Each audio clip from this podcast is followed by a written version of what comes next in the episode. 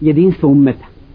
Jedinstvo ummeta ako čitamo Kur'an a čitamo ga i kuranske pripovijesti o Allahovim poslanicima vidjet ćemo da se na mnogim mjestima spominje ovo. I Allah žena govori wa inna hadhihi ummatukum ummatan wahida.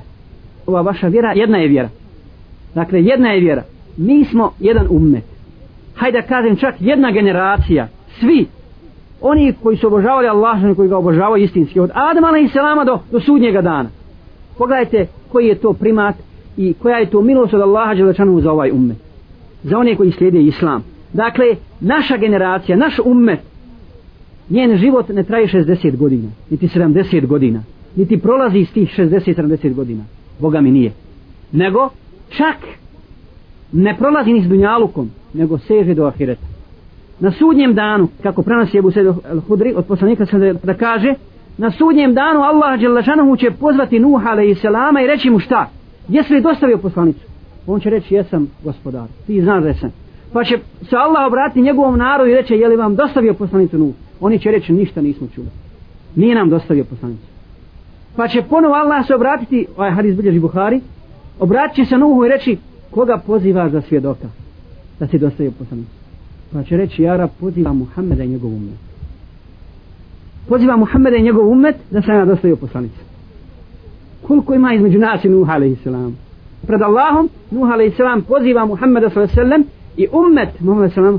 i pita će Allah umet nas na sudnjem danu je li Nuh a.s. dostavio poslanicu svome narodu a musliman će reći jeste dostavio kako znamo znamo zato što nam je dostavio to Muhammed sallallahu alaihi ve sellem to je jedinstvo tog ummeta jedinstvo ummeta koje ne prestaje vremenom to je ono što raduje vjernika i vjernicu. Znači da ta veza da ta nit nas veže do Adama a.s. i traje do sudnjega dana. Trebamo spomenuti braće i sestre još jednu stvar. Kao što Allah naređuje poslanicima da pozivaju u jednu vjeru u tevhid da budu jedan ummet. Tako ćemo vidjeti kroz poslaničku davu da su neprijatelji te dave uvijek bili jedinstveni kada je trebalo napadati davu. Danas vidimo dobro to jedinstvo. Bez obzira koliko se nevjernici različiti boja razlikuju međusobno koliko se bore za svoje ciljeve koliko su usmjereni jedni protiv drugih u običnom životu. Kad treba obračunati se sa islamom jel da svi su jedinstveni. Svi su jedinstveni. Svi oni imaju svoje aspiracije i svoje težnje. Evropa prema Americi, Amerika prema Europi pojedine države prema drugim državama makar su one kršćanske ili budističke i tako dalje.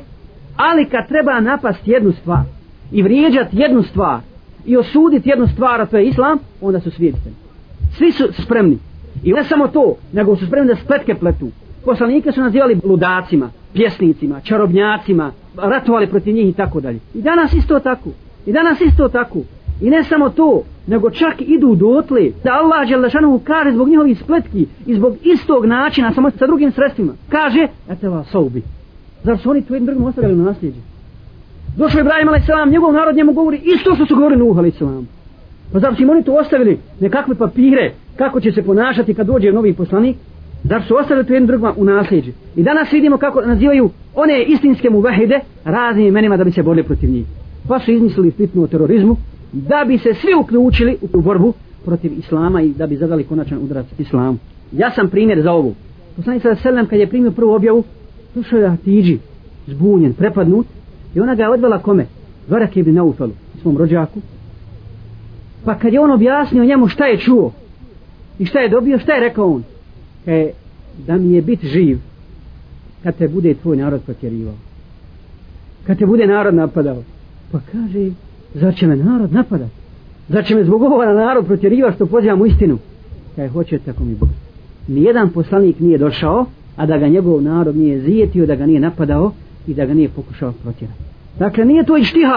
Cijele kurešije i štihad, šta bi najbolje bilo da urade? Ne, nego to je miras. Miras svih naroda prema njima poslanicima, svih kafira.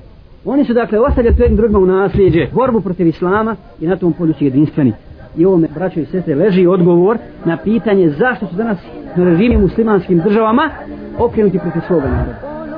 Zašto? Zato što oni sami neće taj šarijat. Zato što oni sami bježe od islama. Jer su marionete u rukama nevjernika. I onda pogledajte kako su i Amerikanci i drugi uspjeli prevariti na određene spletke. Mada su danas te spletke jasne svakom živu. I uspjeli su te spletke okrenuti protiv muslimana i protiv islamske dave.